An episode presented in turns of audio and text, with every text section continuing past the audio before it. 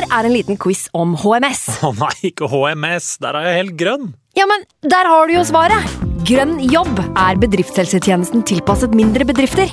Våre HMS-eksperter hjelper mer enn 8000 bedrifter over hele Norge med alt fra lovpålagte HMS-krav til pålegg fra Arbeidstilsynet. Få på plass bedriftshelsetjeneste på grønnjobb.no.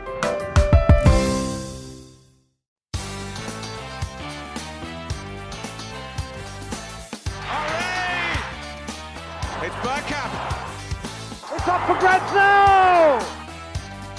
The next station is Arsenal. Hei og velkommen skal du være til en landslagsinfisert episode av Arsenal Station med den fabelaktige Magnus Johansen og meg, Simen Goffeng. Et eh, desperat podcrew som foruten Arsenal damelags maltraktering av lillesøster, eh, er sultefora på Arsenal-innhold. Eh, vi har brukt helga på mye surr. Så ille har det faktisk blitt at eh, Magnus, etter Tony Adams sin eh, sensasjonelle danseopptreden, nå har blitt en eh, svoren Skal vi danse-fantast. Hva er det disse landslagspausene gjør med oss, Magnus?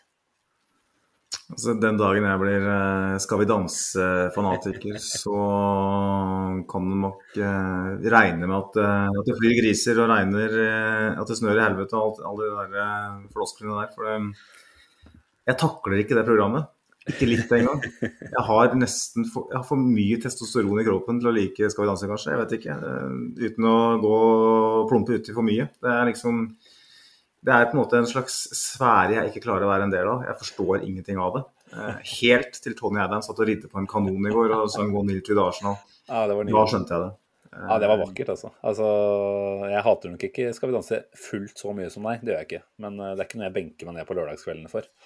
Men uh, akkurat den, eller de klippa som uh, frekventerte Twitter i, i, på lørdagskvelden, og sikkert nå på søndagen eh, og videre ut i uka òg, det var uh, fabelaktige saker. Han kjørte jo en deilig liten variant der med den der oppvarminga, eller det var ikke oppvarminga, den der treningsøvelsen som han ble meget kjent for i Var det Granada han var, var det ikke det? Ja, jeg tror det stemmer. Granada. ja. Mm. Ble jo latterliggjort, selvfølgelig. eh, Og da kjøre på med selvironi av uh, såpass store mengder og ta den der på skjermen foran alle milo- millioner av TV-seere, det, det syns jeg er stor idrett av han faktisk. Så det så jo ikke bra ut, det gjorde det ikke. Uh, Sånn sett så det faktisk bedre ut på treningsfeltet enn på dansegulvet. Men uh, Ja. nei, jeg syns han var fin, jeg.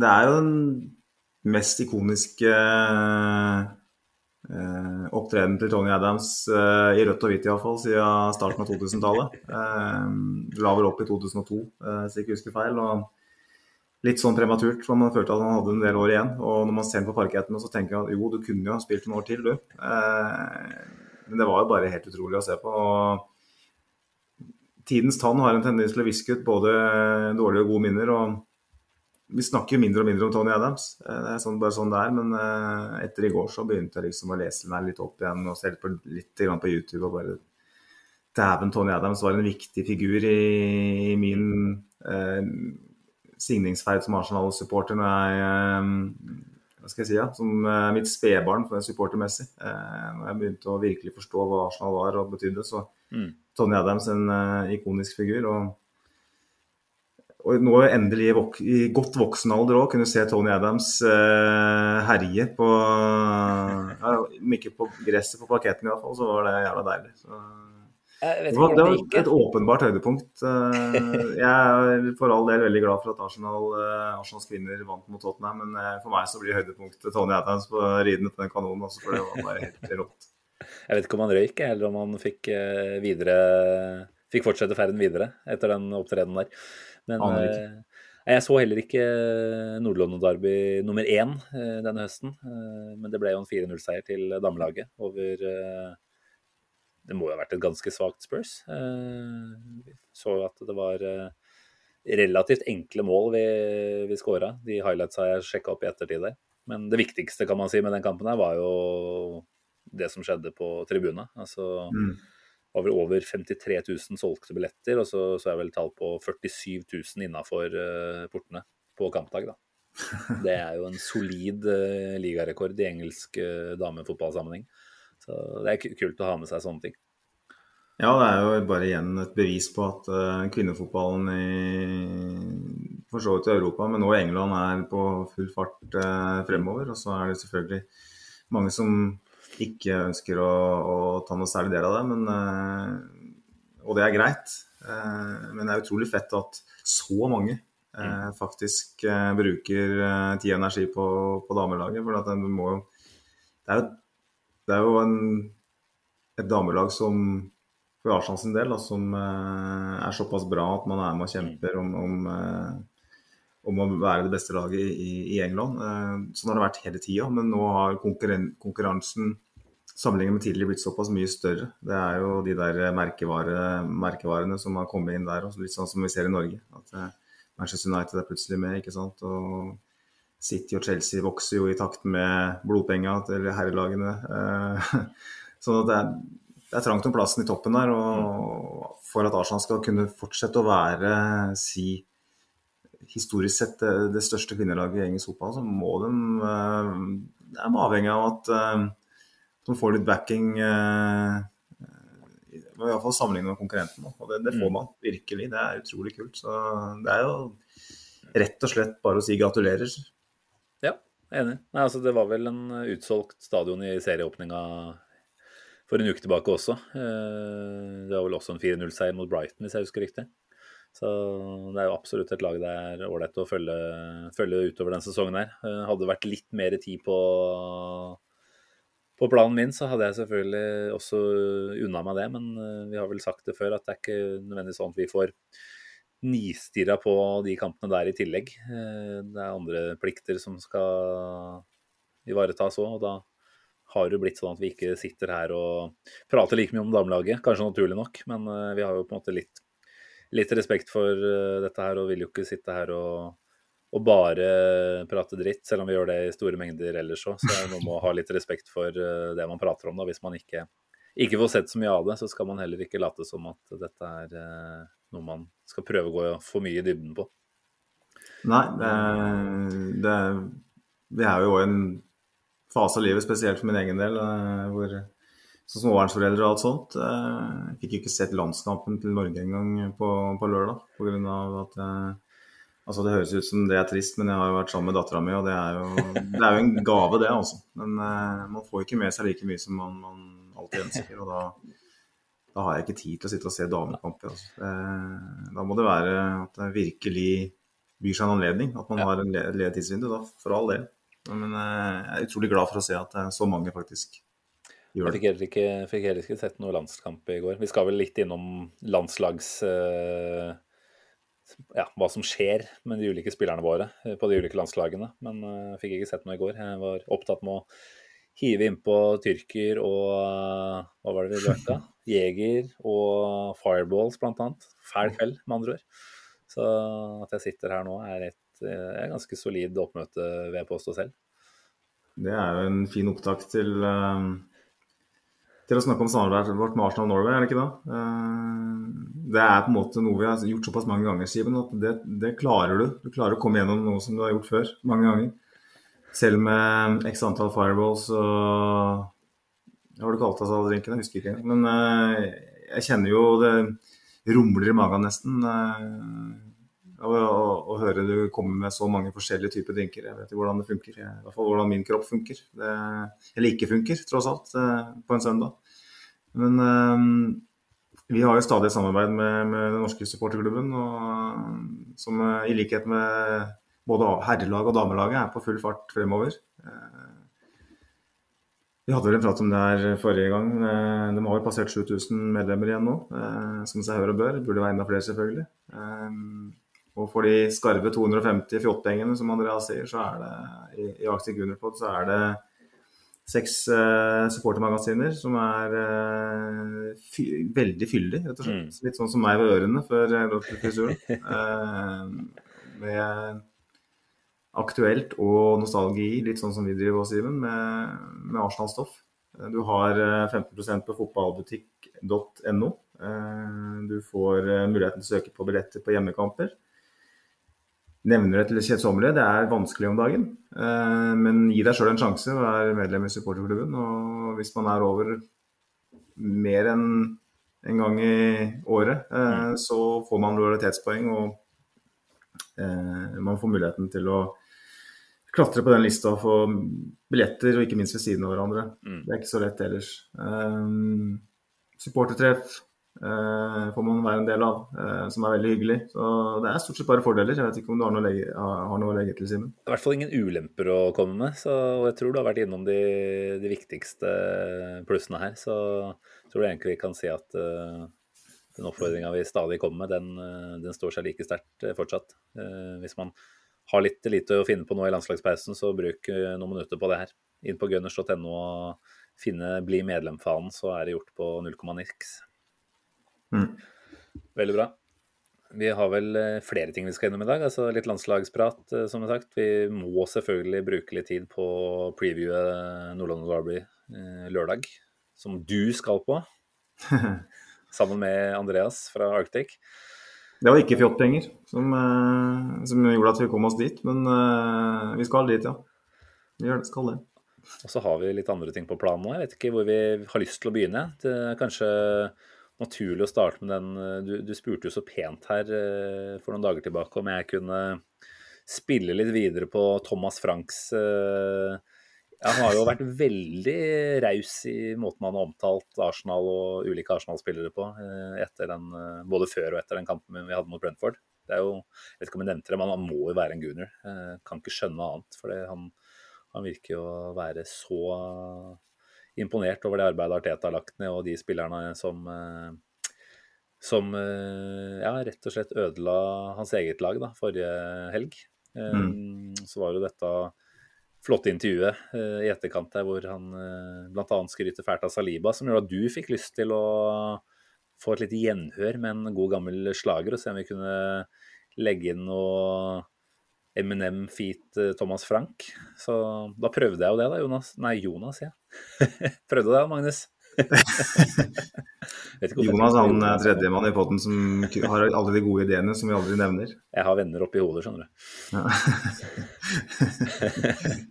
Så jeg lurte på ja, om du har lyst til å Det var ikke bra saker, jeg skal ikke påberope meg det, men jeg har nå prøvd å, å møte forespørselen din, skal vi se. Saliba. Saliba. Saliba. Saliba.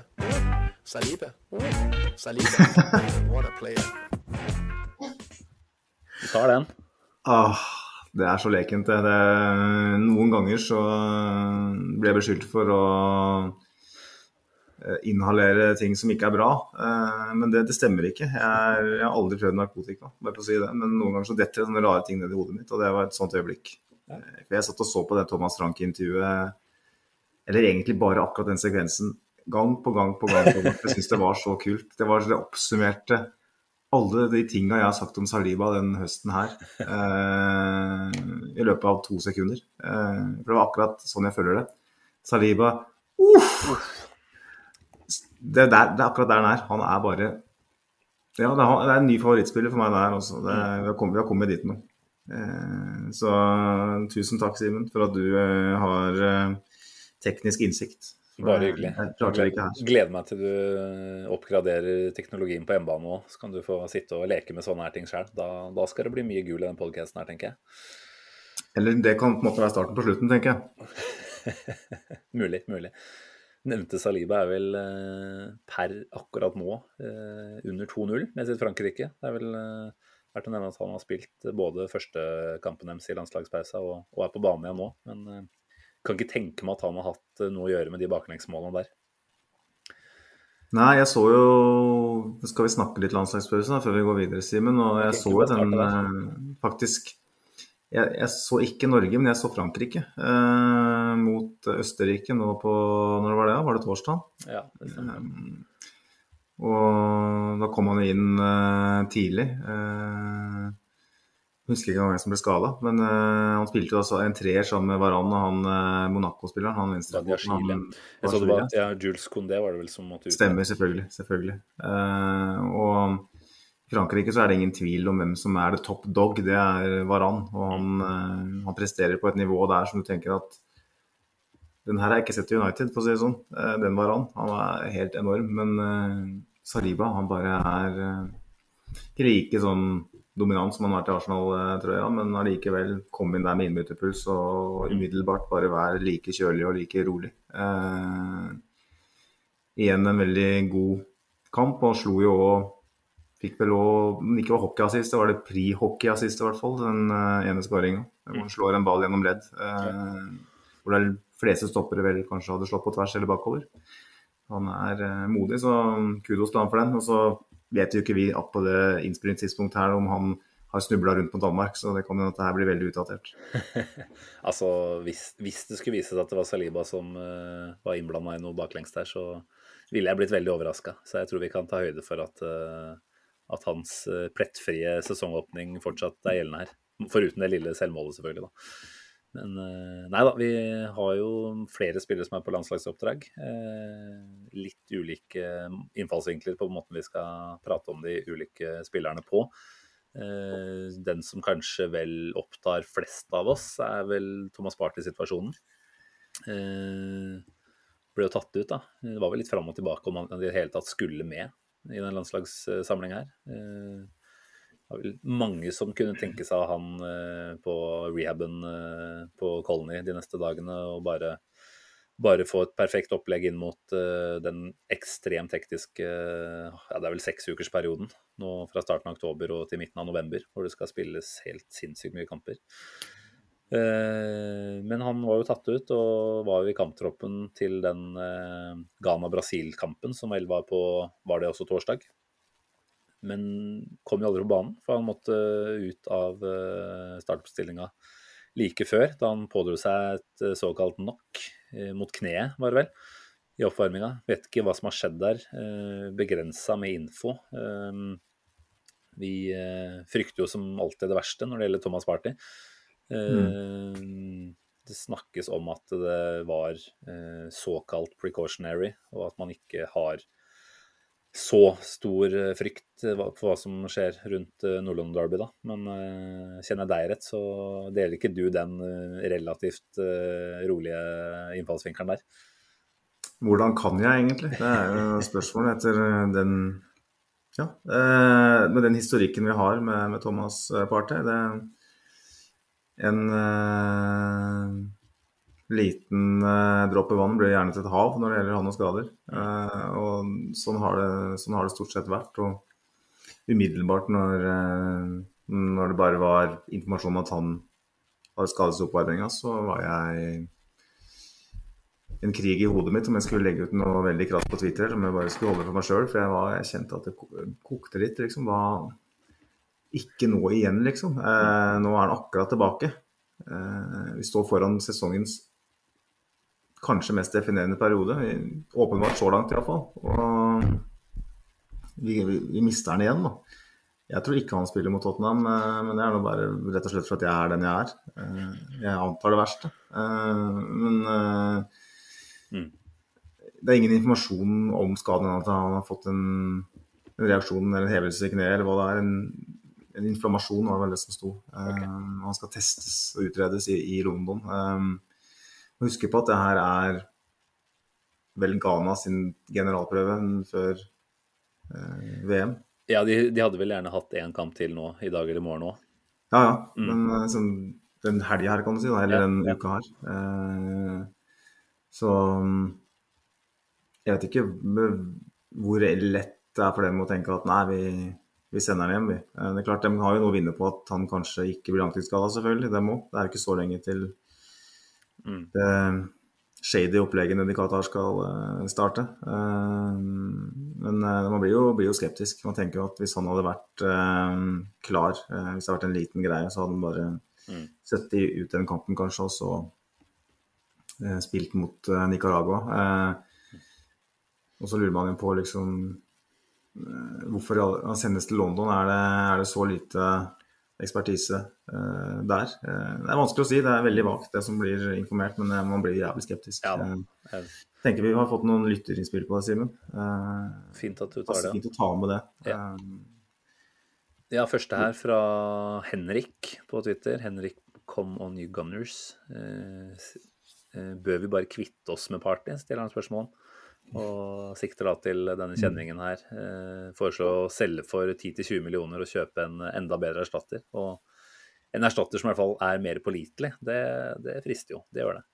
Så hadde du vel flere innspill her også, hadde du ikke det? Jo da.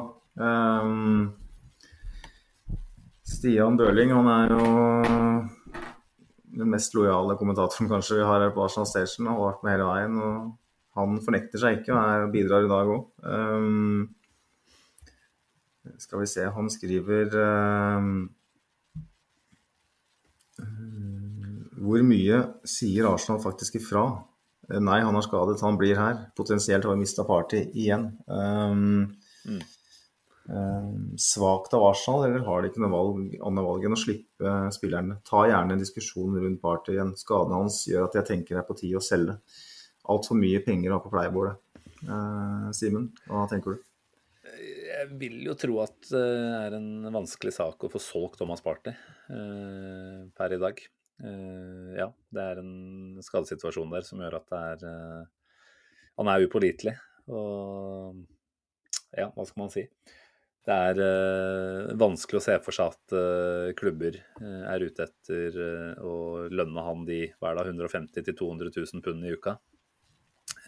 med hans eh, relativt lavere labre tilgjengelighet. Da. Jeg vet ikke hva vi snakker om, men du hadde vel et tall som tilsa rundt 50% av kampene, var det ikke det? Var det ikke 57% det ble sagt Jo. foran sesongen? Det kan være.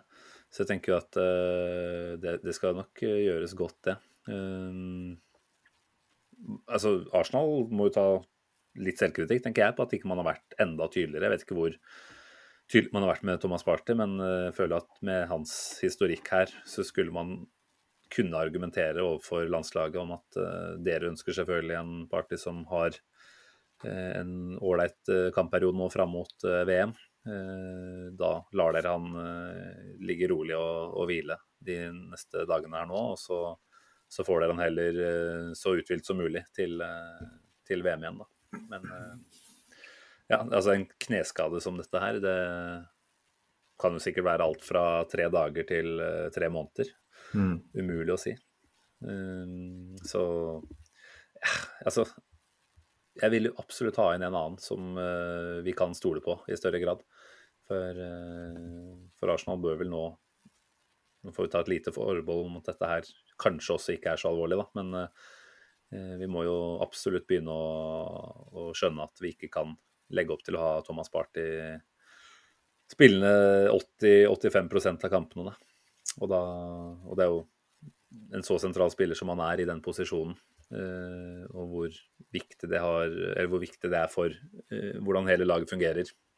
Og hvordan han frigjør de offensive spillerne og tillater dem å, å gjøre det de er best på. Så ja, nei, vi, vi må egentlig ha en som eh, gjør Thomas Party-jobben eh, bare veldig mye oftere. Og er Mm. tilgjengelig hele tiden. Jeg vet ikke hvor lett det er å finne den spilleren. Eh, jeg tror ikke Douglas Louise er den spilleren. Så veldig spent på hva man eventuelt har på blokka der. Eh, Det er jo selvfølgelig, altså det er jo langt fram til, eh, til etter VM òg, men vi må jo kunne ta høyde for at eh, hvis han nå spiller en del nå, og spiller et VM og kanskje i hvert fall kvalifiserer til utslagsrundene der, da, så, så er det noe som, eh, som koster mye. Det er ikke sikkert han kommer tilbake i eh, slutten av desember og er klar, for å spille kamper da heller. Så jeg lurer på om Arsenal bør ha en god plan for hva vi gjør i januar. Ja, jeg er helt, helt på linje. Og um, nå er det ikke så mange kamp, ligakamper igjen til januarvinduet åpner heller, for så vidt. Eh, sånn at eh, man håper jo at man kommer seg gjennom på et vis. Eh, nå vet vi heller ikke om han er skada. Alvorlig sågar. Vi kan godt hende at han spiller mot Tottenham òg. Mm. Men eh, jeg tenker jo at den perioden fram til januar bør være en slags eh, last chance saloon for Thomas Party når det gjelder å være en så viktig brikke i Arsenal-laget. Hvis han nå igjen eh, sier mister oktober, da. Mm. Mister City Nei, City spiller de ikke mot, da, for å mister Liverpool, mister Tottenham og mer til. Eh, så har man for min del. Nok, eh, nok bevis, nok dokumentasjon på, Ja. på det her. Da har man ikke lenger råd til å, å legge alle egen i den kurven. Da tenker jeg at den klubben her har vist nå i et par vinduer iallfall, at man har en ganske god plan og langsiktig strategi. Da har man åpenbart eh, noen navn på blokka. Eh, som man sikkert kanskje tenker sommeren eh, 2023. Kanskje enda lenger fram. Eh, men da må man ut og prøve å få det fremskynda til januar. For at vi, vi kan ikke ha den situasjonen igjen som vi hadde i, i fjor og for så vidt før år. og at eh, at vi rett og slett snubler på mållinja fordi at vi ikke har det beste spillerne våre, eller viktigste spillerne våre tilgjengelig. Thomas Party er den viktigste spilleren i det systemet vi har nå. Det tror vi Den verste å miste, i hvert fall. Det er det ikke noe tvil om. Med tanke på at vi nå har såpass bra dekning andre steder, så, Ja. så er det vanskelig å si noe annet enn det. Men eh, på det spørsmålet her om eh, man skal selge han, hva tenker du om det? Det er som du sier, vanskelig.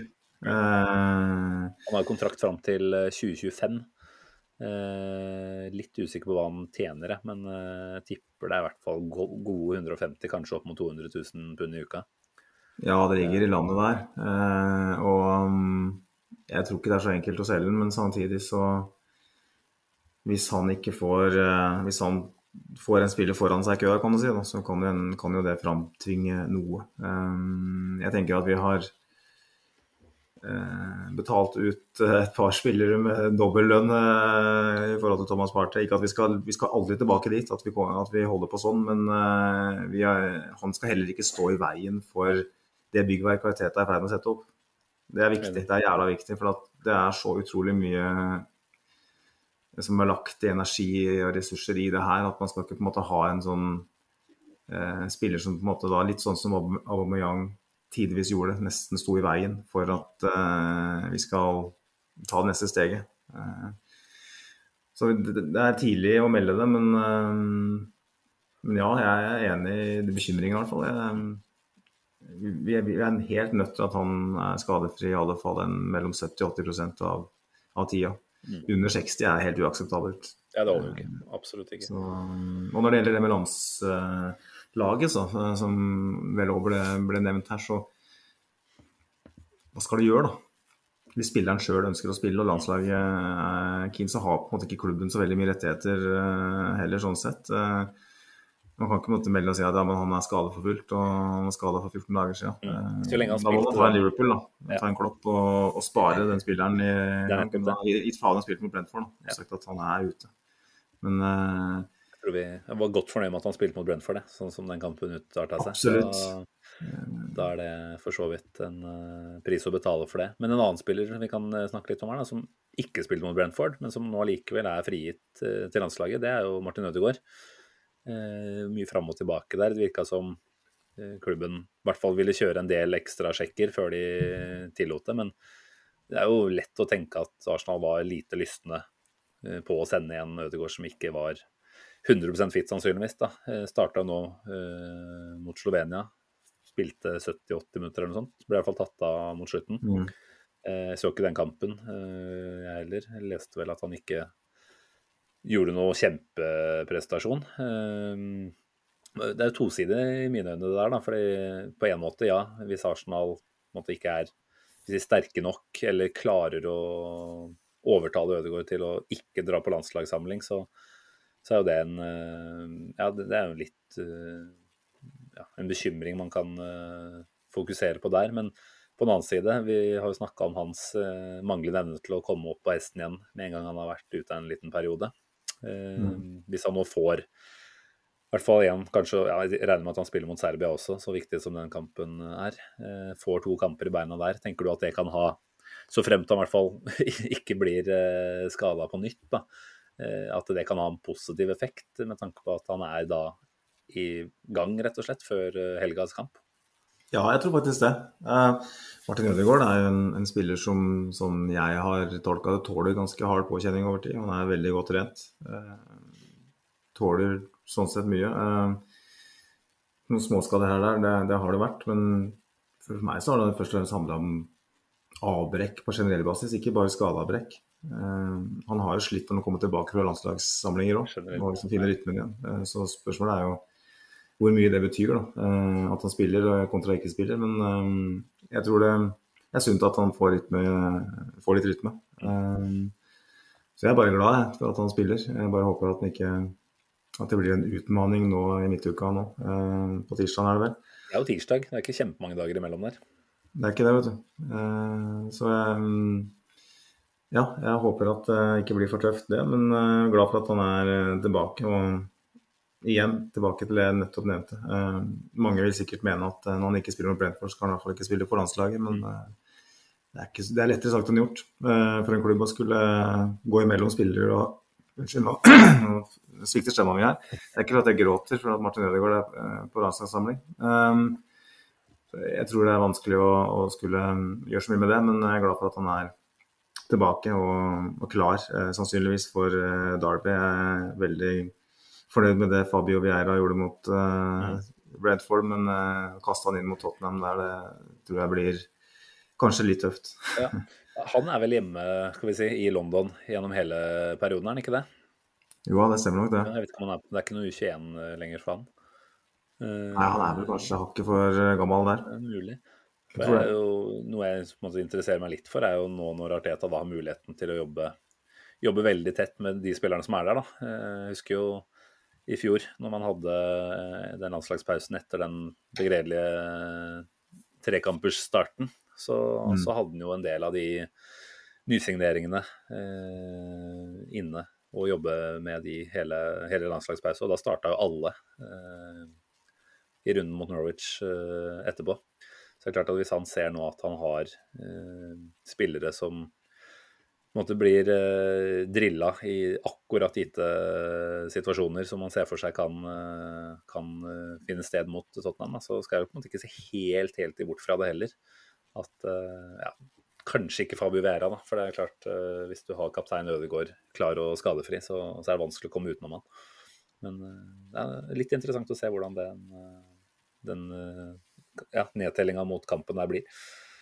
Mm. Uh, andre spillere vi har på landslaget, Trini bl.a., uh, ja, fikk det... jo en uh, smell i huet her.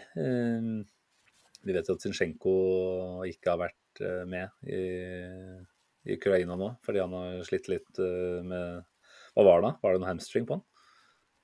Ja, det spør du jævlig godt. Ja, det, det var iallfall en smell han fikk på en muskelskade på trening. Ja.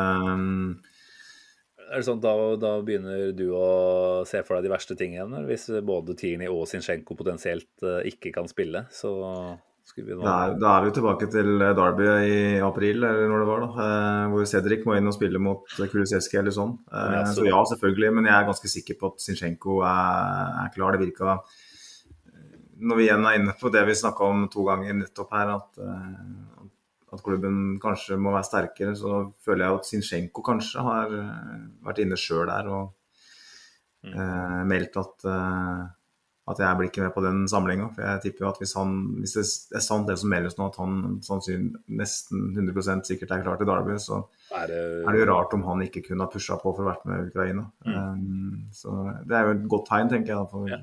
hans dedikasjon til, til klubben. Um, og jeg er jo der at uh, det, er en, det, er en, interessant debatt hvem som bør starte av Tini og Zinchenko i Derby, med tanke på hva vi møter. Men uh, to, jeg er veldig komfortabel med begge. Så jeg, at en av dem er klare, det, det føler jeg at så uflaks har vi ikke, tenker jeg at en, en, av dem er nok klar. Så det er, det er greit. Men det var vel en hjernerystelse, eller i hvert fall et hodesmell med, med, med Tini. Mm.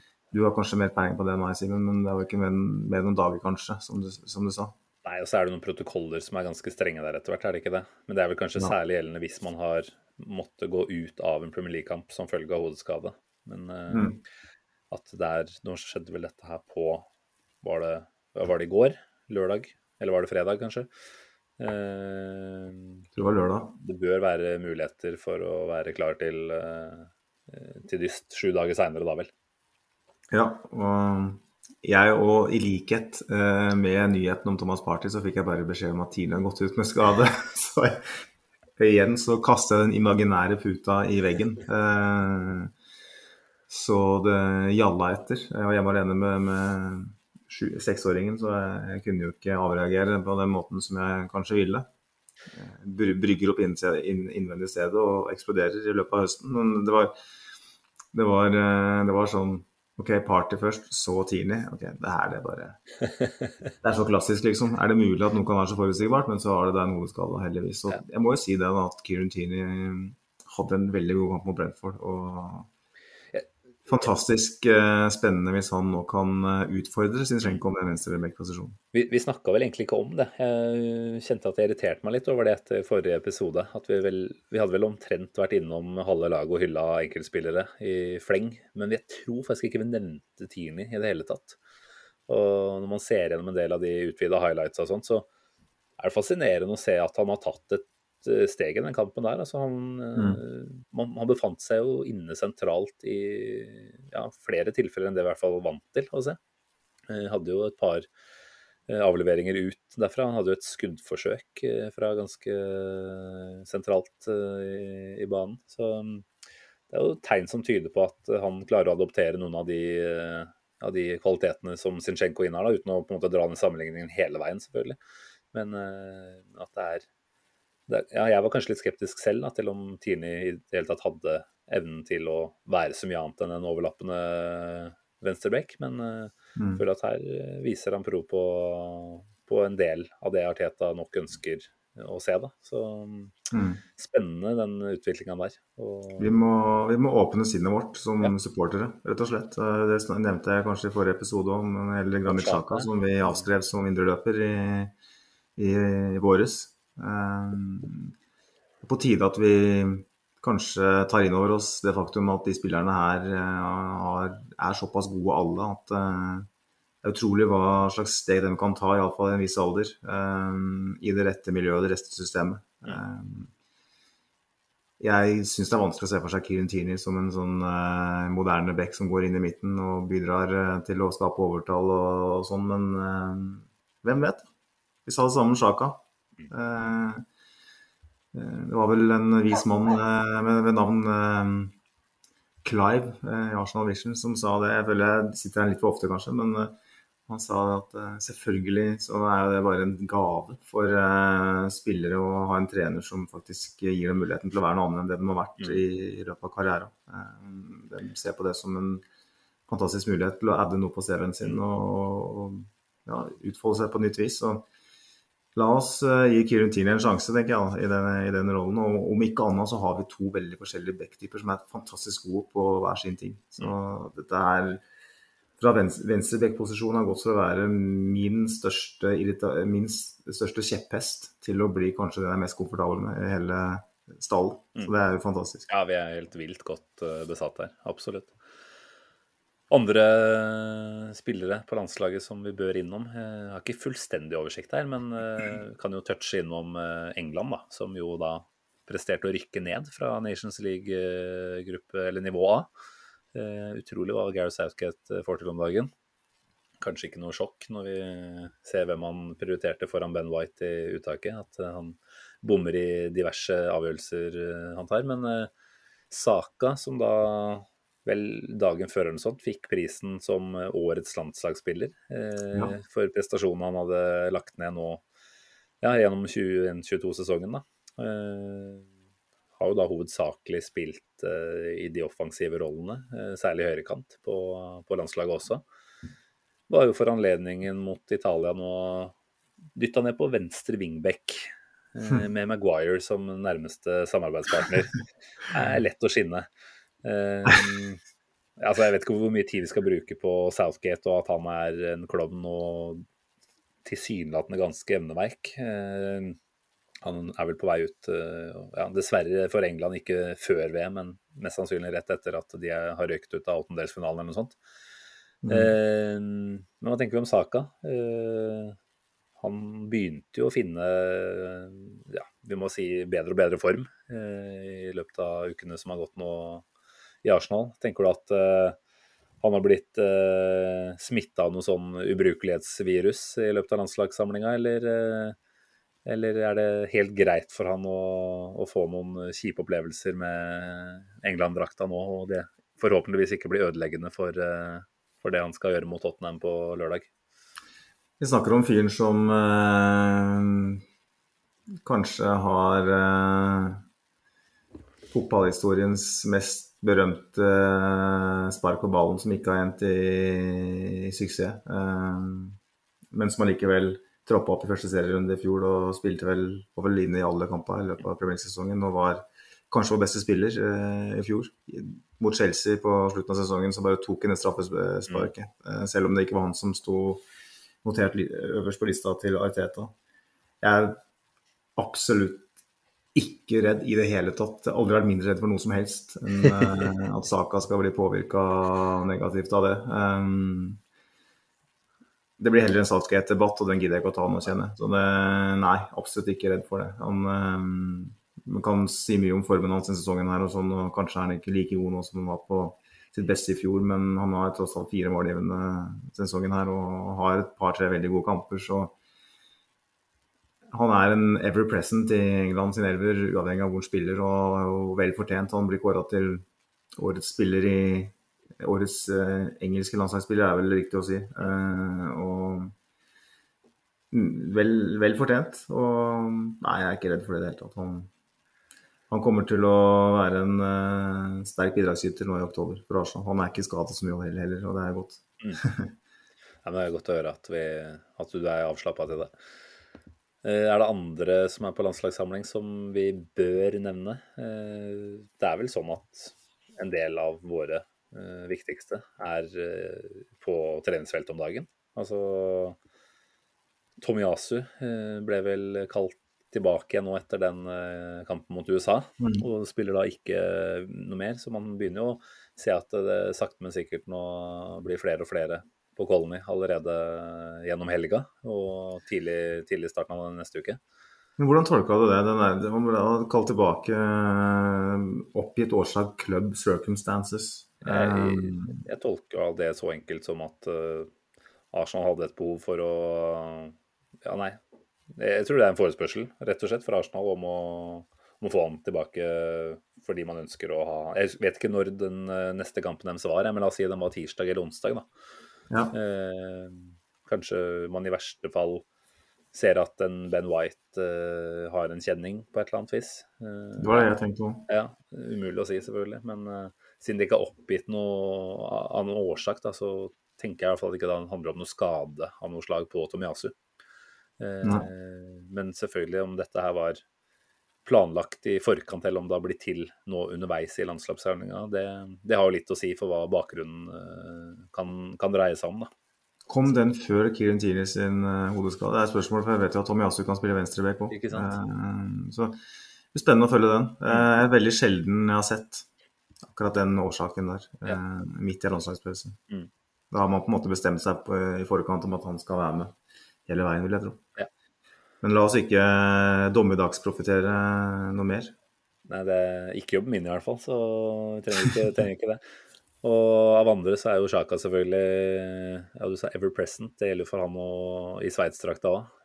Han spiller eh, alt som kan spilles, men det tåler han jo. Det veit vi jo.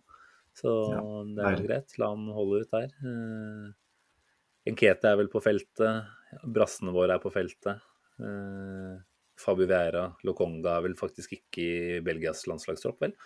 Så han er vel på feltet. Jeg tror det er eh, bra treningsdager eh, også, jeg. Så Mm. jeg vet ikke hvordan det ser ut for Tottenhams del der, på hvem de har på tur. Men eh, det kan jeg sjekke opp nå utover kvelden. Sånn OK når Charlison og sånn i hvert fall Alle de Ja. Så de offensive spillerne, Kulisevskij er helt sikkert av gårde med Sverige. Ja, de har vel noen søramerikanske stoppere som forhåpentligvis spiller noen seine kamper eh, tirsdag eller onsdag natt, eller noe sånt. Så med en lang overfart der, så kan det at de er litt shaky lørdag formiddag òg. Eh, vi kan ta en liten, eller en god Tottenham-prat eh, mot slutten av den poden her, vi, så kan vi komme innom det da. Ja. Eh, av andre spennende ting som har dukka opp på Arsenal-fronten eh, de siste dagene, så er det vel verdt å ta en liten prat om eh, David Dean og hans eh, nyutgitte bok. Jeg husker ikke navnet på den. Eh, dette er eh, for så vidt ditt segment, Magnus, fordi jeg tror du har litt mer research på deg når det kommer til dette temaet her. Men han har jo da gitt ut bok, som sagt, om Jeg regner med at det aller meste av det dreier seg om tiden i Arsenal. Åpenbart ikke lest den, men eh, har sett at han har, har vært ute og gitt intervjuer eh, på de aller fleste plattformer. Eh, var innom Arsblog og hadde en lengre prat der. Og har vel også vært på Sky Sports og i en diverse skrivende presse. Så en spennende skikkelse å, å, bruke noen minutter på her også, Magnus. For det er jo mye historikk og, og fortid som er knytta til David Dean, åpenbart. Eh, Wenger hadde selvfølgelig aldri vært i, i klubben, hadde ikke vært for uh, godeste David Dean. Og en Arsenal-mann, true and true, som vi vel får høre litt om han i den boken her, hadde andre prioriteringer og ønsker enn en det som var uh, kanskje gjengs uh, oppfatning andre plasser i klubbstyret. Mm. Eh, vet ikke hvordan vi skal angripe det her. Er det du som skal få lov til å showe litt, kanskje?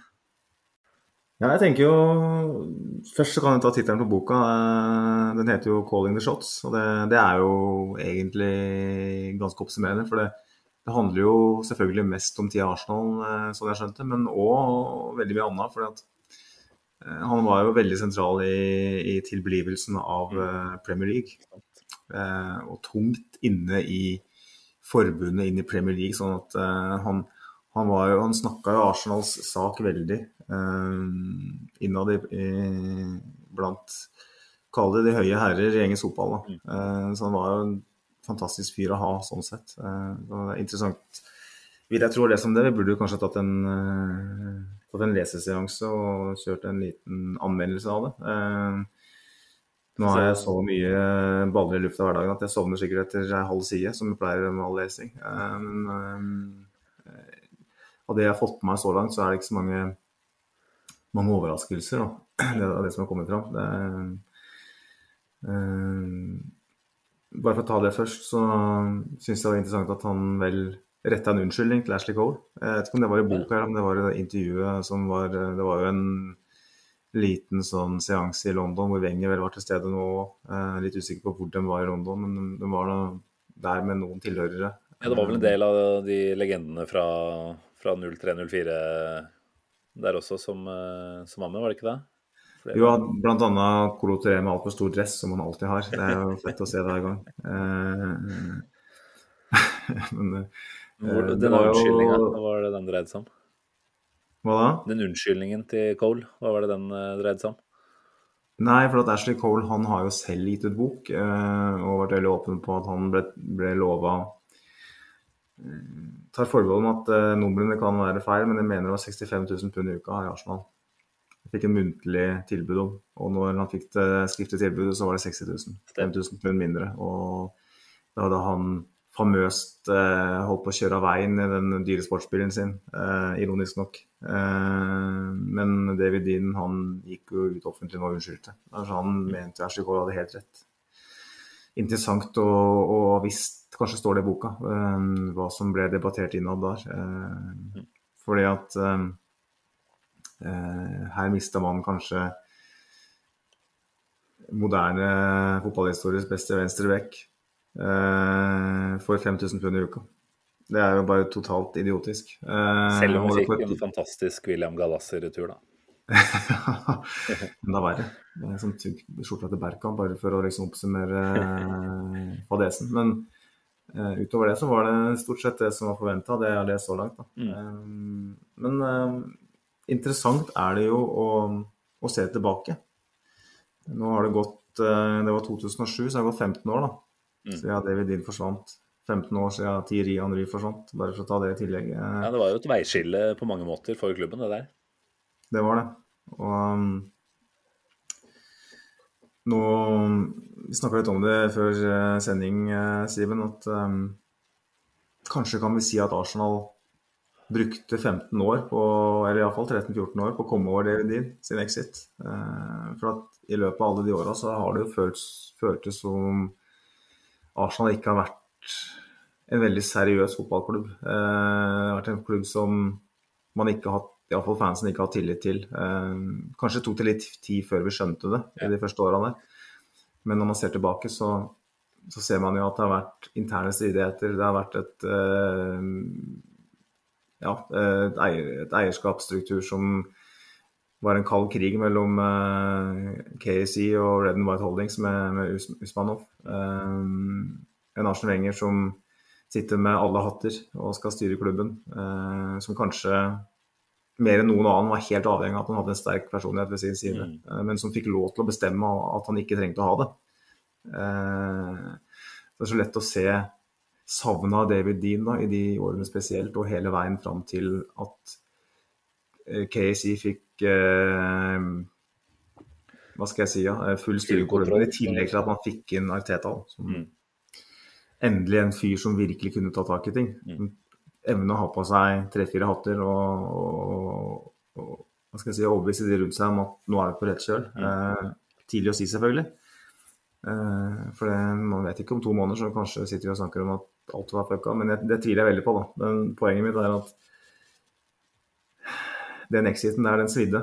Eh, og det Jeg vet ikke hvor mye du husker, Simen, men jeg husker jo Thierry Henry sa i det intervjuet etter at han forlot klubben, at eh, han, han refererte veldig mye til Mr. Dean og den exiten.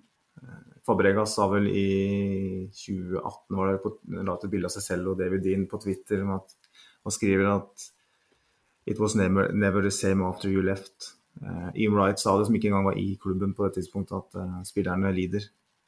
David Dean var inne i garderoben etter hver eneste kamp og håndhilste. Um, han var på en måte den stødige hånda uh, som holdt allting på plass.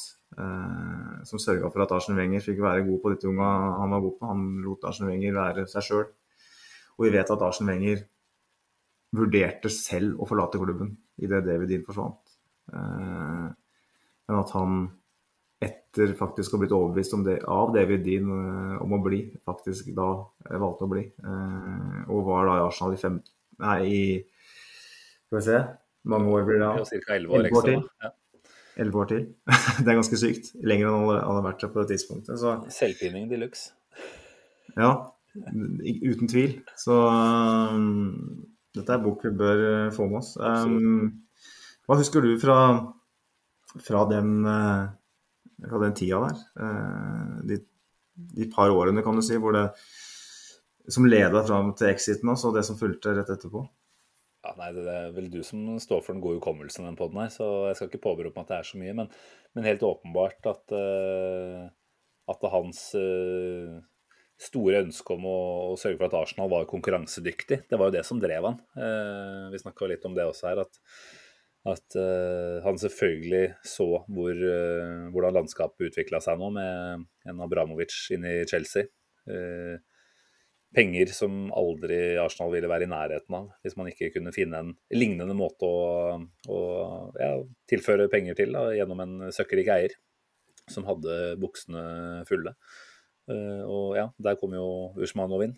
eh, når det da ble motstand eh, og motbør på andre kanter i styret om at dette var veien å gå, så, så var jo på en måte det den det dessverre da han ville falle imot. da. Eh, han var Mm. villig til å Altså, Vi skal jo aldri sånn sett tvile på hans kjærlighet til Arsenal. Han var villig til å gå så langt som å sette sin egen posisjon i klubben på spill for å trumfe gjennom det han mente var, var den riktige veien videre. da. Eh, Så kan jo vi sitte her i, i dag, eller sikkert mange som har ja, stilt seg selv spørsmål hvordan skulle det sett ut om Arsenal hadde blitt en skal ikke si Chelsea-kopi på noen som helst måte, men om man hadde tillatt den samme type eh, eierskapsform da, som, som de hadde der, med den måten å finansiere drift på.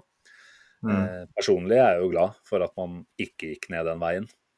Ikke at Cronky på noen som helst måte er perfekt, og han er jo heller ikke en businessmann som har absolutt alle moralske skal vi si, ting på plass. Det har vært, eh, om ikke lik, så i hvert fall ting under hans eh, eh, vi si, framferd òg som ikke har sett like bra ut, helt sikkert. Men, eh, men at en eh, oligark som Osmanov eh, hadde fått lov til å, å bruke Arsenal som sitt eh, hva vi kaller det, leketøy, da, det, det kjenner jeg at jeg er glad for. At vi ikke på noen som helst måte ble, ble en del av. Da. Så eh, ja, hva skal man si?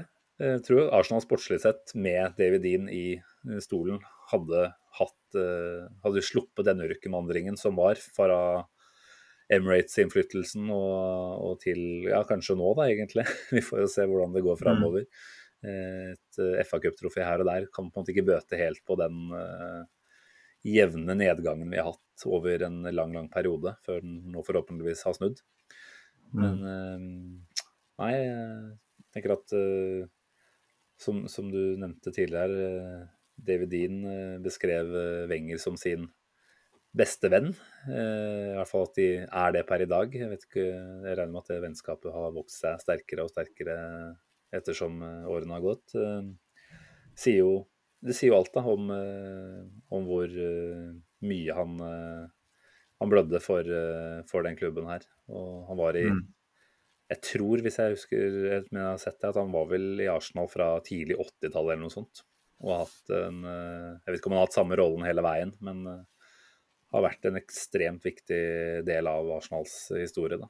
Og skjønte nok klubben eh, åpenbart bedre enn de aller aller fleste, og kanskje enn noen andre som var involvert. Det er klart Når man får inn businessfolk fra USA, så ville en David Dean vært desto viktigere for å sørge for at Arsenal også i de åra etter Emirates var konkurransedyktig. Det, det, Mm. det ble dessverre ikke slik. Eh, altså dessverre ikke sportslig eh, sånn som vi ønsket, men, eh, men eh, dit vi på en måte har kommet eh, per dag. Vi, vi har jo overlevd som klubb, eh, og vi har hatt noen litt tyngre år, men at det moralske bildet vårt, om ikke det er perfekt, så tenker jeg at det står seg bedre i dag uten at David Dean fikk gjennom ønsket sitt om Usmanov. Da. Eh, Han har vel blitt, det har vel blitt tatt ut noen siktelse mot han i Tyskland eh, i forbindelse med diverse shady greier som han er involvert i. og klart Hans eh, connection til Russland og Putin ville ikke gjort at det hadde funka spesielt bra lenger uansett. Så jeg tenker at dit Arsenal har kommet per nå, er, er et, et godt sted å være med tanke på hva ja, hvordan utfordrerne og, og rivalene våre har uh, fått muligheten da, til å kaste penger rundt seg. Så, så står vi på Mm. som klubb relativt sterkt uh, allikevel fortsatt. Ja, for det, jeg syns jo den vinklingen din er ganske riktig. Eh, Det er jo et lite paradoks at vi som fans i veldig stor grad ønsker å identifisere oss med David Dean. Vi snakker om David Dean som han er en slags eh, halvgud. Eh, en slags eh, Ja, han og Wenger står Wenger står selvfølgelig høyere, men han står rett oppunder, på en måte. Eh, som du sa, det er jo han som er årsaken til at Wenger kom til Arsenal. Han som er årsaken til at Dennis Bergkamp kom til Arsenal. Eh, Thierry Henry, altså. Vi hadde ikke sittet her, Simen, og mm, kanskje en gang, eh, uten David Dean, vi heller. For at vi, vår kjærlighet til Arsenal er jo tett eh, knytta mot den tidsperioden. uten at man, prøver, han, man, liker jo å tenke at man hadde vært like dedikert uansett, men uh, den perioden under Wenger var utrolig viktig Mm. for uh, forholdet mitt til klubben. Og uh, det står i så sterk kontrast da, til den David Dean som ønska å flytte Arsenal til Wembley. Som Ja. dro KSI og Cronky inn i klubben. Som dro Usmanov inn i klubben. Han, fra å være på en måte løsningen, så ble han etter hvert problemet. Han skapte iallfall mange av de problemene som vi slet med veldig mange år etterpå. Og når han da selv forsvant ut, så satt vi på en måte igjen med problemene han til dels skapte. Eh, til dels er viktig å legge trykk på det. da. Eh, intensjonen hans var kun å få Arsenal til toppen. Han, I motsetning til Wenger så var han en kompromissløs fyr. Han hadde, null, han hadde null problemer med å identifisere seg med Nusmanov. Han snakker varmt om Abramovic og de som eier City. Jeg husker ikke hva de heter engang. Eller kongefamilien eller Abu Dhabi. Eh, han eh, hadde glatt henta inn eh, eierne til Newcastle Arsenal hvis han hadde mulighet til det. Mm. Eh, For han handla det kun om at Arsenal skulle være best. At Arsenal skulle tjene mest mulig penger. Og det er jo ikke tilfeldig at han var med og eh, Skapte Kjører den, beite, beite, den der eh, mjølkekua på beite, eh, som etter hvert ble Premier League. Mm. Eh, dette er en businessmann, knallhard businessmann, som Narrativet har blitt at at det var hans exit som gjorde at, at ting gikk til helvete. Og det er en sannhet med veldig sterke modifikasjoner. Jeg er som sagt mest kritisk til at klubben da var så svak at man ikke da umiddelbart sørga for at Arsen Wenger fikk noen eh, ved sin side som kunne eh, fornye og fortsette å være en støtte til, til ham. For at det ble jo sånn at Wenger fikk lov til å bestemme at han ikke trengte å ha en eh, sterk eh, side- stemme ved sin side. For at, at det ble foreslått og nesten anmoda om, det vet vi jo. Eh, men Wenger han sa nei. Han, jo, han fnøs jo av hver eneste spørsmål i pressekonferanse som sportsdirektør. Eller director of football. Han hadde var, han ikke noe helt annet òg? Eller det var et eller annet eh, merkverdig intervju der hvor han eh, ble stilt akkurat der. Og så Han hadde vel omtrent aldri hørt betegnelsen før engang. Eller bare ja, det stemmer det. Veldig spesielt. Så, spesielt. det er liksom det bare, bare Jeg syns Var det ett år etter at eh, David Dean forsvant ut, så hadde Arsenal en kjempemulighet til å hente Shabi Alonso Mm. eh, fra Liverpool. Så var det snakk om en 20-30 millioner norske kroner som en var uenige om. Eh, Fabregas satt og utveksla tekstmeldinger med Alonso, og Alonso var keen. Men klubben eh, strakk seg ikke de millionene, liksom. Og er, hadde vi hatt David Dean da, så hadde Xabi Alonso vært Arsenal-spiller. Og det var ett år etterpå. Og det fortsatte sånn da i veldig, veldig mange år. Eh, Han hadde ikke tillatt at Almunia var førstekeeper i fem-seks år, for å ta et eksempel. Han, han ville ha sørga for at, eh, at Arsenal var kon- konkurransedyktige, men da er spørsmålet da, som vi har stilt oss nå, hadde det vært verdt den prisen? Ja, i hvert fall altså det der med potensiell flytting til Wembley, som jeg egentlig hadde glemt at var Det var jo et ganske reelt alternativ, faktisk. Eh, ja, åpenbart lett å si at det hadde ikke vært verdt eh, prisen. Eh, ja, det hadde jo revolusjonert i negativ eh, grad vår ja, måte å kjenne Arsenal på. Om vi skulle valfarte med tuben utover til, eh, til den kanten av byen. Eh, nei, så det, det er jo Hva hadde, hva hadde um, Arsenal altså nå har jo Både jeg og du vært i England en del. og Hva hadde Arsenal vært uten eh, Islington og det området der? Det er jo så sentralt. Det er så viktig. Eh, det er Å røske opp røttene der eh, Man vet jo ikke hvordan man har følt på det, men eh, det er prisen man måtte betale for et par ligamesterskap mindre, så var det verdt det hver eneste dag i uka. Enig. Og som du var inne på her, altså vi, vi er jo nå forhåpentligvis kommet oss gjennom den, eh, kall det post, den lange post din-perioden. da. Eh, vi- ja, kall det litt hell, da, så har man fått inn eh, en mann som eh, har total kontroll og fullstendig plan på hvordan man ønsker at dette skal se ut eh, videre. Eh, har du noe ja, Klarer du å sammenligne med andre sesonger hvor vi har ligget og, og vært oppe i toppen av tabellen? og liksom, hvor, lang tid tilbake må du eh, for å skulle finne når vi som klubb sto Eller du følte i hvert fall at vi sto like sterkt som det vi gjorde nå, sammenligna med konkurrentene våre. Ja, det er vanskelig å svare på, egentlig. Eh, Jeg har jo hatt perioder eh, under senere Wenger-tida hvor man liksom i alle fall håpte. Um, Det var det som var litt problemet, at man, man, man slutta å håpe etter hvert. Eh, men eh, jeg føler liksom sånn En sportslig eh, framgang kombinert med tillit til klubben, så må jeg tilbake til 2008. Ja. Det var jo da paradoksalt året etter David Dean forsvant. Eller, som et, eller egentlig 07-08-sesongen. Da. Da forsvant jo Henri og David Dean. Eh, og for de som har god hukommelse, så husker vi at eh, Fabregas blant andre bare tok så mye av det ansvaret Henri hadde hatt på banen. Og Ferguson sine berømte strofer om at eh, eh, han frykta Arsenal mer etter at han gikk, for det ville på en måte frigi såpass mye eh, energi i resten av laget at eh, han var redd for dem, og det fikk han så jævlig rett i. Eh, det var vel ingen andre som predikerte det, omtrent, tror jeg, men det var akkurat det som skjedde.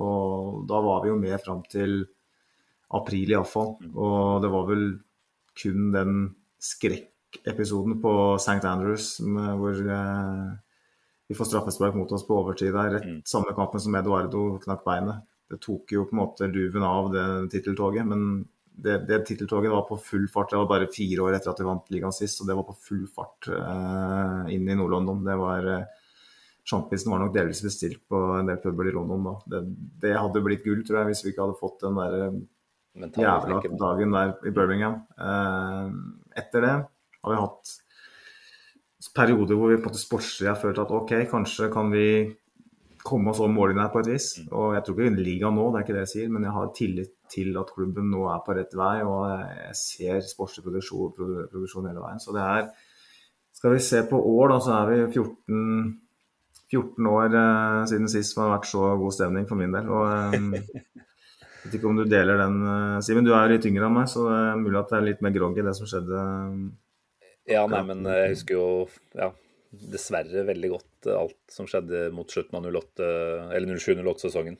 Um, og hvordan du så at det håpet svinte hen eh, utover. Men, eh, men så gode som vi var da, og altså, da så det faktisk ut som at planen om å forynge laget og, og ja, ha fantastiske offensive talenter skulle være det som, som brakte ligagullet tilbake allerede da. da. Men eh, Mm.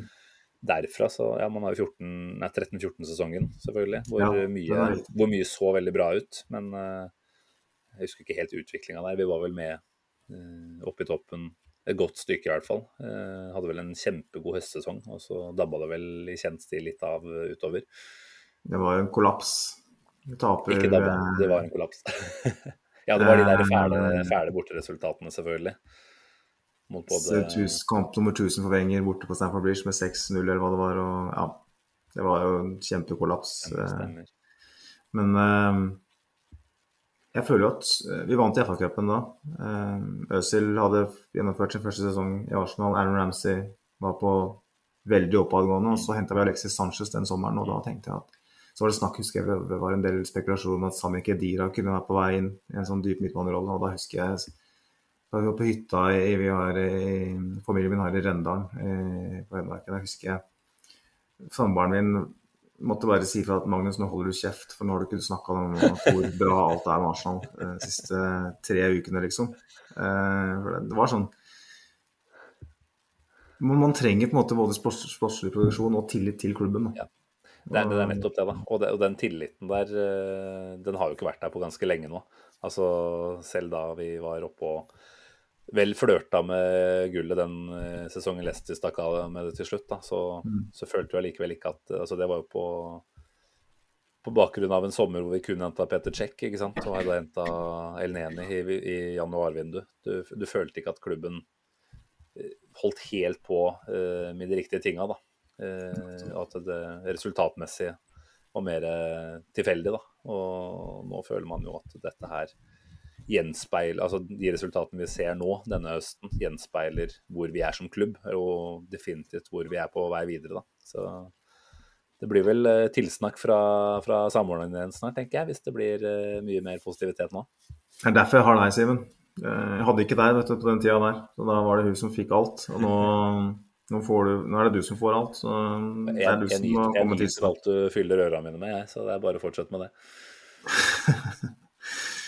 Ja, du, det, jeg tror ikke du hadde um, sagt det samme hvis vi hadde drevet og spilt en Ja, vi har for så vidt gjort det. Vi har spilt en podkast under hesteskoperioden, så det, jo, da, det, var greit, da, da er jeg med. Men um, er det noe mer vi har på David D nå, eller? Um, Nei, jeg syns vi skal hoppe over til eh, litt eh, Tottenham-preview, rett og slett.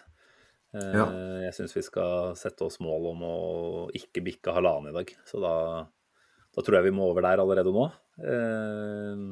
Tidlig lørdag. Du reiser over når? Fredag morgen er det Jeg hadde jo egentlig tenkt å ta en eh, helg uten feriedager. Fordi at jeg har brukt litt for mye feriedager på fotballturer i vår eh, allerede. eh, Og andre ting i sommer. Så Mm. viste det seg at det kosta 4500 å fly fra Gardermoen på fredag kveld. Det er jo helt tullete, ikke sant. Så da, da måtte man ta på mor morgenflyet. Mm. Så da jeg husker ikke klokkeslettet engang, ja, men eh, det blir tidlig morgen og hodemist eh, litt på dagen på fredag sikkert, på en eller annen pub der. Så hjem søndag ikke, ikke på morgenen, men på formiddagen også. Der. Så det, det, blir, eh, det blir slitsomt, Simen. Jeg vet at du er misunnelig, men Ja da. søndagsmorgen så er det nok ikke det. Nei, altså skal jo du over med en ungfole nå som uh, er fra nord. Og jeg regner med at han veit hvordan man uh, drikker uh, halvlitere. Så jeg tipper du skal få kjørt deg godt der, altså. Ja, vi har vel, blir vel en liten duell der. Eh, nord mot sør. Eh, gammel mot ung. Så det, jeg skal prøve å fly flagget for, eh, for oss, Simen. Du har jo Du identifiserer deg i min, eh, i min fase aldersmessig, men eh, Dessverre har jeg jo bikka 30, så jeg gjør vel, jeg gjør vel det. Jeg er vel, i, I samme båten. Eh, men eh, nei, det er tidligkamp, da. Eh, tenker du det er fordel eller eventuelt disfavør for vår del? Nå har jo du sett litt på tallene når det kommer til hjemmestatistikk og sånt. og den det, altså, det, Hjemmebanefordelen vokser jo kanskje i takt med at klokka blir litt utpå kvelden, og det blir enda Mm. vi si, varmere stemning på tribuna. Eh, hvordan tror du det tidlig avsparket vil ha innvirkning på, på det vi får se på banen? Så det kanskje litt grann eh, i den Brentford-kampen, at, eh, at hjemmepublikummet kanskje ikke var eh, brisende nok til å støtte laget sånn som man var gjort hvis det hadde vært flomlys og sånn vi opplevde det forrige gang vi var der. Men jeg tenker det er Nord-London Derby. Det, Du må jo bare ta ansvar. Kanskje, kanskje en liten, liten effekt kan det ha, men eh, det er utrolig rart om ikke hjemmepublikummet er veldig fyra opp i den kampen uansett. Eh, jeg håper puba i Islington åpner i, i alle fall klokka ti. Helst før. Jeg skal iallfall opp og få, stå i køen når det åpner. Når, når til og med du skal klare å komme deg opp og tørke av deg det trøtte trynet du pleier å ha, eh, før klokka ti, da, da må alle andre kunne klare det òg. Så får du sørge for Ja. å spre god stemning og, og lage et helvetes show nede på lower tier på North Bank der. Ja, nei, det, det, er det ingen fare med, for jeg, jeg har eh, spydd på vei til kamp før. Ja. Så eh, vi, vi har to fingre, jeg har ti fingre, men jeg bruker to av dem til å stikke bak cashen. Så kommer vi oss på puben og kommer i gang. I verste fall så tar jeg noe eh, annet enn øl første enheten, bare for å virkelig komme i gang. Så dette er ikke noe fare. Eh, og jeg er ikke redd for at stemningen blir noe avmålt der også. Nei, Det blir helt spinnvilt uansett. Eh, men ja, jeg skjønner, skjønner vinklinga di. Eh, det gjør jeg. Men eh, la oss snakke litt om hva vi på en måte kan forvente oss her, da. Altså Vi har vel noen tanker om at hvis Arsenal har én form for kryptonitt, så er det måten Tottenham spiller fotball på. Og måten Conte ønsker at de skal framstå på.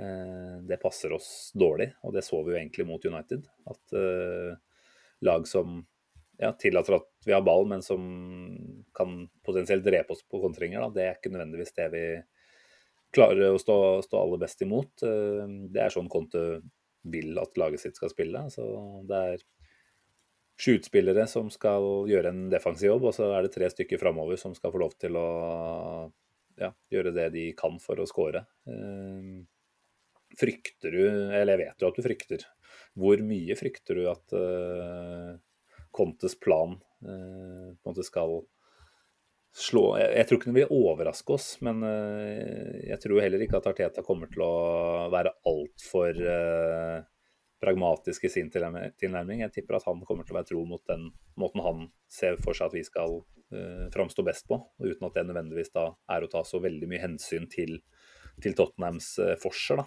Uh, Mm. Frykter du, eller ja igjen, hvor mye frykter du det Tottenham kan komme med her? Frykter det selvfølgelig veldig. Uh, Det er jo Hvis du ser på fjorårssesongen, så kaller det det har vært en litt sånn normalsesong eh, i Premier League de siste tre-fire åra, hvor City og Liverpool er tre-fire hakk bedre enn resten. Mm. Tottenham tapte vel ikke verken mot City eller Liverpool. Og Arsenal så langt denne sesongen her er jo på, sånn, på mange måter både tallmessig og prestasjonsmessig på det nivået. Eh, Det er et lag som står veldig høyt. Vi står høyere nå enn vi gjorde i fjor. Eh, Og, og vi styrer og et sånt maskineri som eh, stort sett vinner i de kampene man er favoritt. Vi har kommet dit nå, og det, det er veldig godt nytt, for det betyr at vi kommer til å plukke mye poeng. Men akkurat mot Tottenham så, så kan det være skummelt. Eh, jeg, jeg tror jo da at fortsatt at hjemmebanefordelen eh, i Derby kommer til å ta oss over mållinja. Jeg kan jo bare ta det kjapt, da. Eh, Forrige Spurs-seier på Emirates, eh, og eneste Spurs-seier på Emirates i ligaen, er jo tilbake i 2010. Forrige hjemmekamp jeg var på, når tok Arsenal-Tottenham, bare for å nevne det. Så der har du den, flaksen. Det var flaksen. en veldig spesiell match hvor de vel kom tilbake fra 0-2 og vant 3-2, var det ikke den? Ja, det stemmer det. Ja. Fabregas hensa vel i og ble ja, lagde straffe. La oss ikke, la oss ikke gå tilbake dit. Eh, Men det er òg den eneste borteseieren Spurs har mot Arsenal eh, siden 1993 i ligaen. Så det er én borteseier da på 19 år i ligasammenheng. Og ditto på, i, på fremmed grunn, for å kalle det det, på N17, eh, møkkhølet oppe litt lenger nord. Så, så har Arsenal forrige Arsenal-seier i 2014 den berømte Rositski-rollen etter eh, Var det ett minutt eller noe sånt? Ja, det var. Eh, og før det så hadde vi ikke vunnet borte mot Tottenham til 2007. Så Nei, den er gigantisk. Det er da også- på de siste eh, 30 oppgjørene mellom Arsenal og Tottenham i ligaen, så er det kun to ganger hvor bortelaget har vunnet.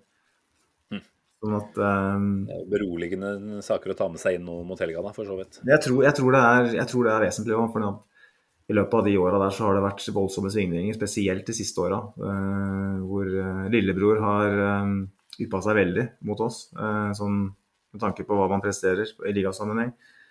Og eh, det har vært Conte, det har vært Pochettino, det har vært Mourinho, det har vært Wenger, det har vært Arteta, det har vært Emery. Men den statistikken den står seg. Eh, hjemmebanefordel i Nord-London Derby er ellevilt viktig. Eh, og jeg tror det kommer til å, å telle nå, men eh, ja. Eh,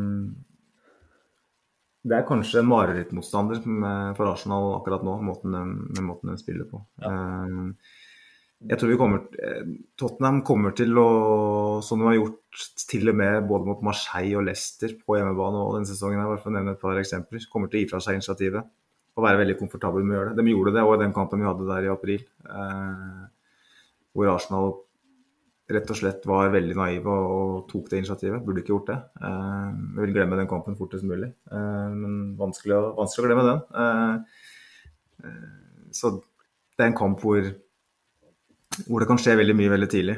Får Arsenal eh, et kjempeovertak og får et tidlig mål, så kan det bli plankekjøring. Men ditto hvis, hvis det glipper litt, si Thomas Party er ute nå, og vi får litt problemer i den omstillingsfasen, og så får de et kjapt mål der, da kan vi få en ordentlig juling. Eh, så det, det er dritvanskelig å si.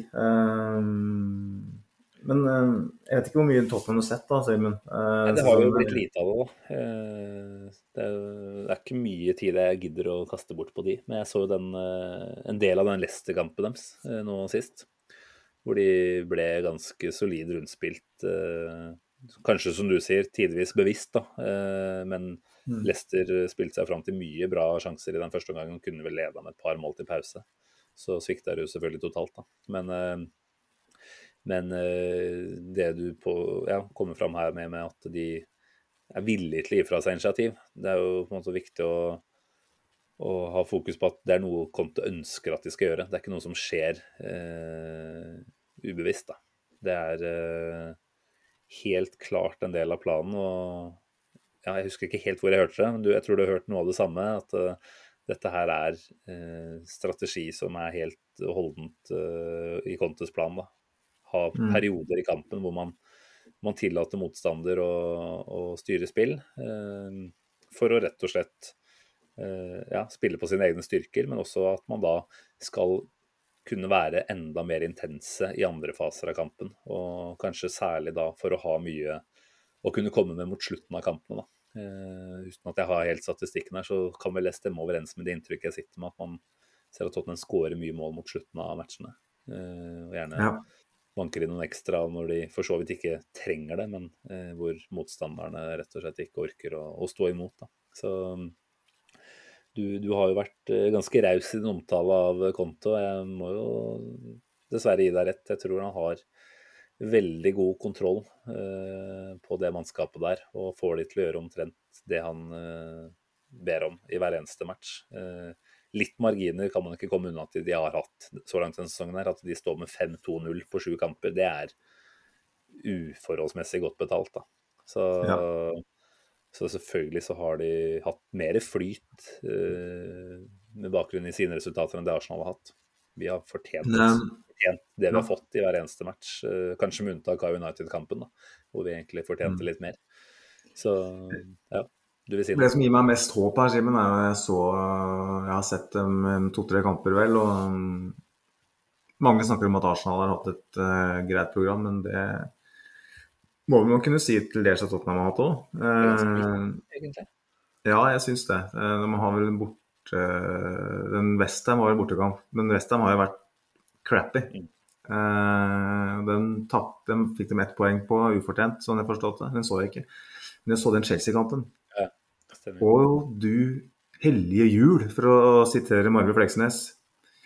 At den fikk med seg poeng i den kampen, er jo bare en skandale. Um, da tenker jeg ikke bare på dommerskandalen, men den lukinga av, kuku, av kuken, kuk, Kukureya. Eh, men da tenker jeg også på prestasjonen, for at dette var, dette var et Chelsea-lag som var on the slide, også under Thomas uh, Tuchel, som ikke spilte for manageren sin på den måten som man uh, kan forvente. Men den rundspilte Tottenham, altså. Så til de grader.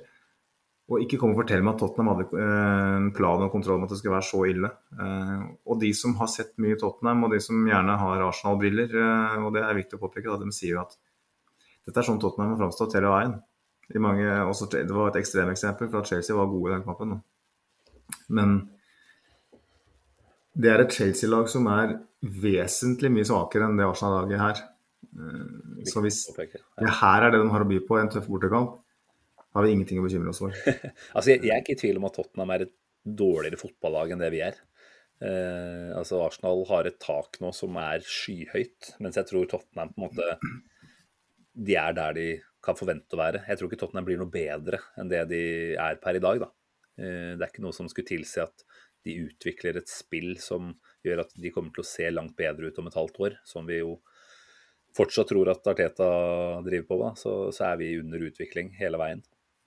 Eh, Så spørsmålet er jo igjen hvor effektivt er det i enkeltkamper? Og potensialet til å være effektive på den måten å spille eh, mot Arsenal, den er dessverre til stede, da. Men Mm. eh, selvfølgelig altså, har vi en sedvanlig god dag, sånn som vi har hatt de fleste av matchene til nå, så, så tror jeg vi skal kunne klare å spille de ut, altså, rett og slett. Eh, Ja. Hvis vi klarer å finne riktig tenningsnivå fra starten der og sørge for at anledningen på en måte hjelper oss eh, videre i vår favør. Eh, Får bl.a. deg og, og Andreas til å holde det gående på, på tribunen der kampen igjennom, så, så får vi de ekstra prosentene som vi trenger der. Og så er det jo Mm.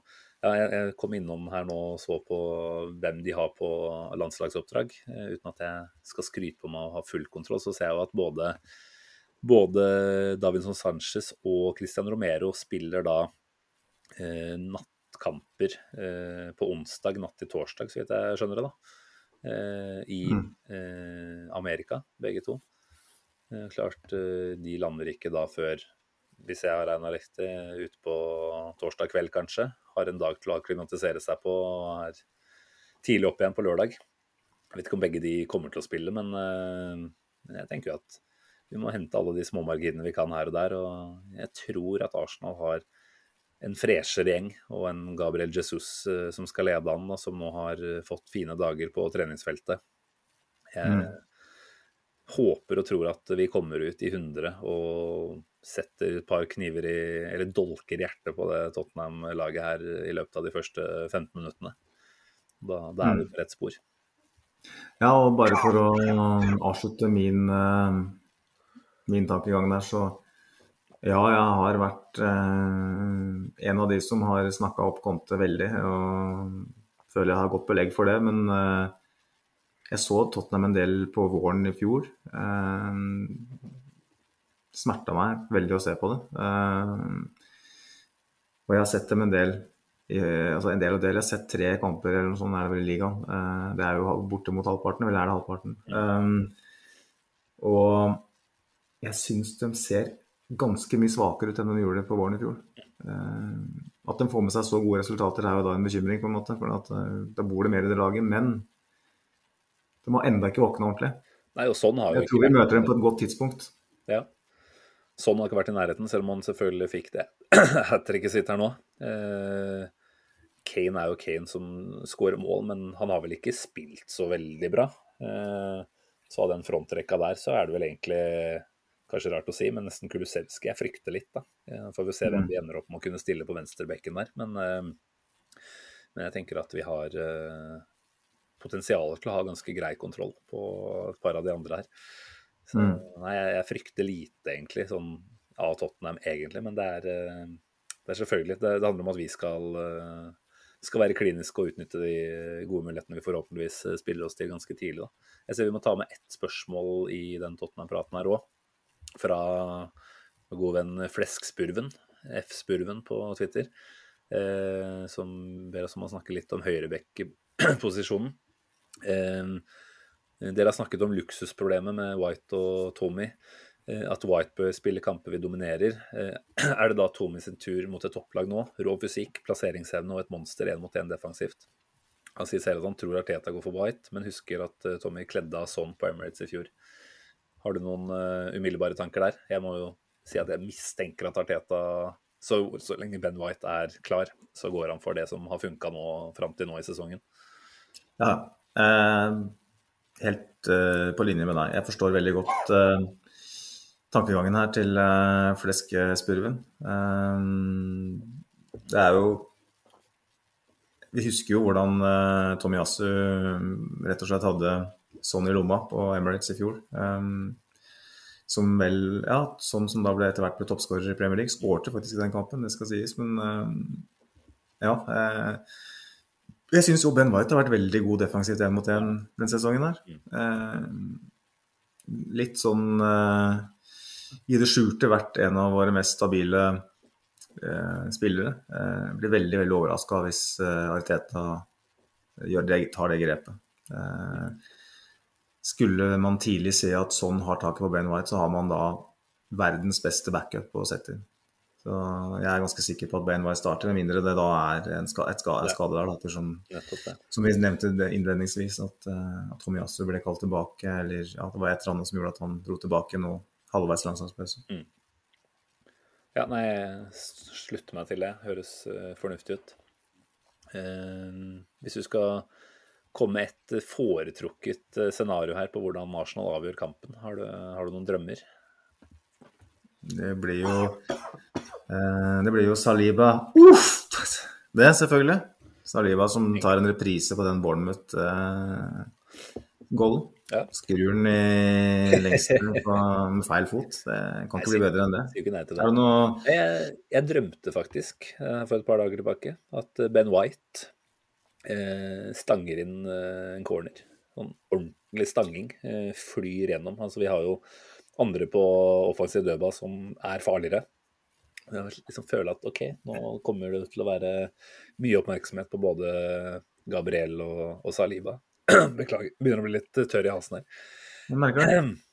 Kan godt over, jeg, altså. Men, eh, men Ben White eh, som kommer flyvende gjennom på corner og, og stanger inn, det, det har jeg i hvert fall drømt. Jeg vet ikke om jeg har vist meg å være sanndrømt tidligere, så vi får jo se. Men eh, nei, jeg tror at, eh, tror at det er på tide med en whitescoring White-scoring nå. Jeg, jeg, jeg gråter ikke hvis eh, avgjørings, eh, går via ræva på Saka eller eh, Ødegaard eller hva det måtte være på overtid heller. Bare vinn den forbanna kampen. Altså, jo Tre mer jævla poeng. Jeg gir faen i hvordan du får det. Bare vinn den fuckings kampen der. For det, det ville vært eh, for min del oh. tidenes fest i Nord-London. Ja, Tusen hjertelig takk, sier jeg bare. Da har du en helsikes dag du kan feire videre på der. Den kampen jeg var på i 2010, da, for å ta det til slutt, eh, den ene kampen Arsenal da har tapt på hjemme mot Tottenham siden 1993, eh, den var òg en tidligkamp Uh, på lørdag. Uh, Ikke kom med sånne omvendt, Jeg orker ikke det. Nei, men poenget, det var ikke det som poenget. Da. da husker jeg at vi dro tilbake til puben. Det var en litt ung eh, herr Johansen, da, som da var midten av 20-åra. Eh, tidlig, 24 var jeg vel da. Sånn at da eh, bestemte vi at nå kjøper vi oss to og to enheter. Alt en god da husker jeg vi ble kasta ut av, eh, av den puben vi gikk opp på kvelden. Og jeg ble gjenkjent der ett år senere, når vi var der for igjen. Så jeg tenkte, ja, det er gutta fra den Tottenham-kampen i fjor. Så da har vi nok oppført oss ganske ålreit, tenker jeg. Jeg håper ikke det er det som blir eh, historien denne gangen. Jeg blir gjerne gjenkjent på bakgrunn av oppførselen min etter den kampen her òg, men jeg håper det er en litt annen type oppførsel. Så det, det kan jo fort bli to enheter av gangen uansett, da, hvis man skal feire skikkelig. Jeg tror det holder med én uh, uansett. Jeg altså, har blitt eldre, uh, tross alt. Uh, kanskje jeg er blitt så gammel at jeg går tilbake til hotellrommet hvis vi taper den kampen der. Uff, spise litt uh, Mækkern på senga, det kan fort bli det som blir løsninga i så fall. Da. Nei, vi håper ikke at det blir utfallet. Jeg har veldig troa. Jeg har troa på at dere bidrar og gjør deres uh, innsats fra tribunen, så blir det en fin, fin dag der borte. For virkelig nyte. Jeg tror vi skal runde av her nå. Ja. Så klarer vi omtrent de halvannen timene som vi hadde som mål. Krysse fingra for at ikke det blir noe mer skader i de resterende landskampene.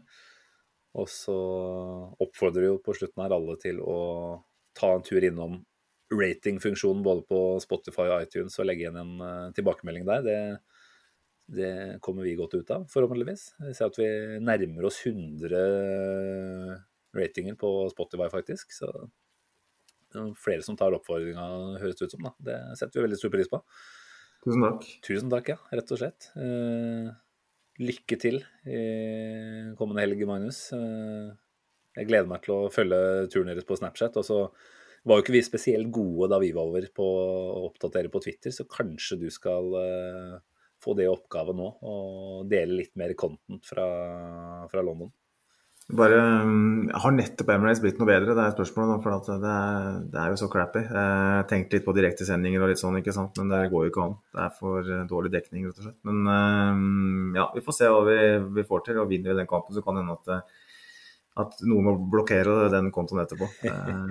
Det, det, kan bli, det kan bli spinnvilt. Så ja. Eh, jeg må ønske deg lykke til òg, Simen. Jeg vet, et Nordland-derby akkurat når det står på, den det er like jævlig fra sofaen som det er fra, fra tribunen. Det spiller ingen rolle om du ser den på en uh, liten uh, telefonskjerm på bussen eller om du sitter på stadion. Da er det bare én ting som betyr noe, det er tre poeng og hjemmeseier. Så lykke til alle sammen, har jeg lyst til å si. Det, det her det er uh, det er deilig å bare kunne glede, se fram til en, en sånn sånn kamp, men når det er så mye i potten og man er i en sånn posisjon, det må vi bare nyte, tross alt. Fine siste ord. Bra. Lykke til. Og så sier vi tusen takk til deg som lytter. Det setter vi veldig stor pris på. Og på gjenhør om ikke altfor lenge. Ha det bra. Ha det, ha det. Hei.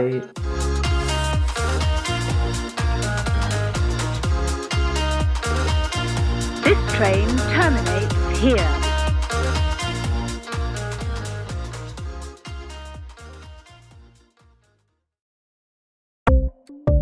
Ukens annonsør er HelloFresh. HelloFresh er verdens ledende matkasseleverandør og kan være redningen i en travel hverdag. Mange av oss har nok vandret i butikken både sultne og uten en plan for middagen, som ender med at vi går for de samme kjedelige rettene gang på gang. Middag burde være dagens høydepunkt. Som HelloFresh kan du nå velge mellom 25 ulike retter hver eneste uke, eller få HelloFresh til å sette sammen menyen for deg. Dette gir deg muligheten til å prøve nye og spennende retter alene eller sammen med familien. Du velger antall porsjoner og får alt levert på døren på et tidspunkt som passer for deg. Oppskriftene er enkle, og maten er lett å lage både for store og for små. Ved å få alt levert hjem får du også mer tid til å dele matgleden med familie og venner. Kanskje det frister med asiatiske tacos eller greskinspirert kylling? Da kan jeg anbefale deg om å gå inn på hellofresh.no. Her kan du bruke koden FOTBALL og få opptil 1779 kroner i rabatt på de første fem matkastene hvis du ikke har prøvd Hello Fresh tidligere. Du kan også bruke rabatten hvis du har vært kunde og stoppet abonnementet ditt for tolv måneder siden eller lengre. Gå inn på hellofresh.no og bruk koden FOTBALL. Har du et enkeltpersonforetak eller en liten bedrift? Da er du sikkert lei av å høre meg snakke om hvor enkelt det er med kvitteringer og bilag i fiken, så vi eh, gir oss her, vi. Fordi vi liker enkelt. Fiken superenkelt regnskap.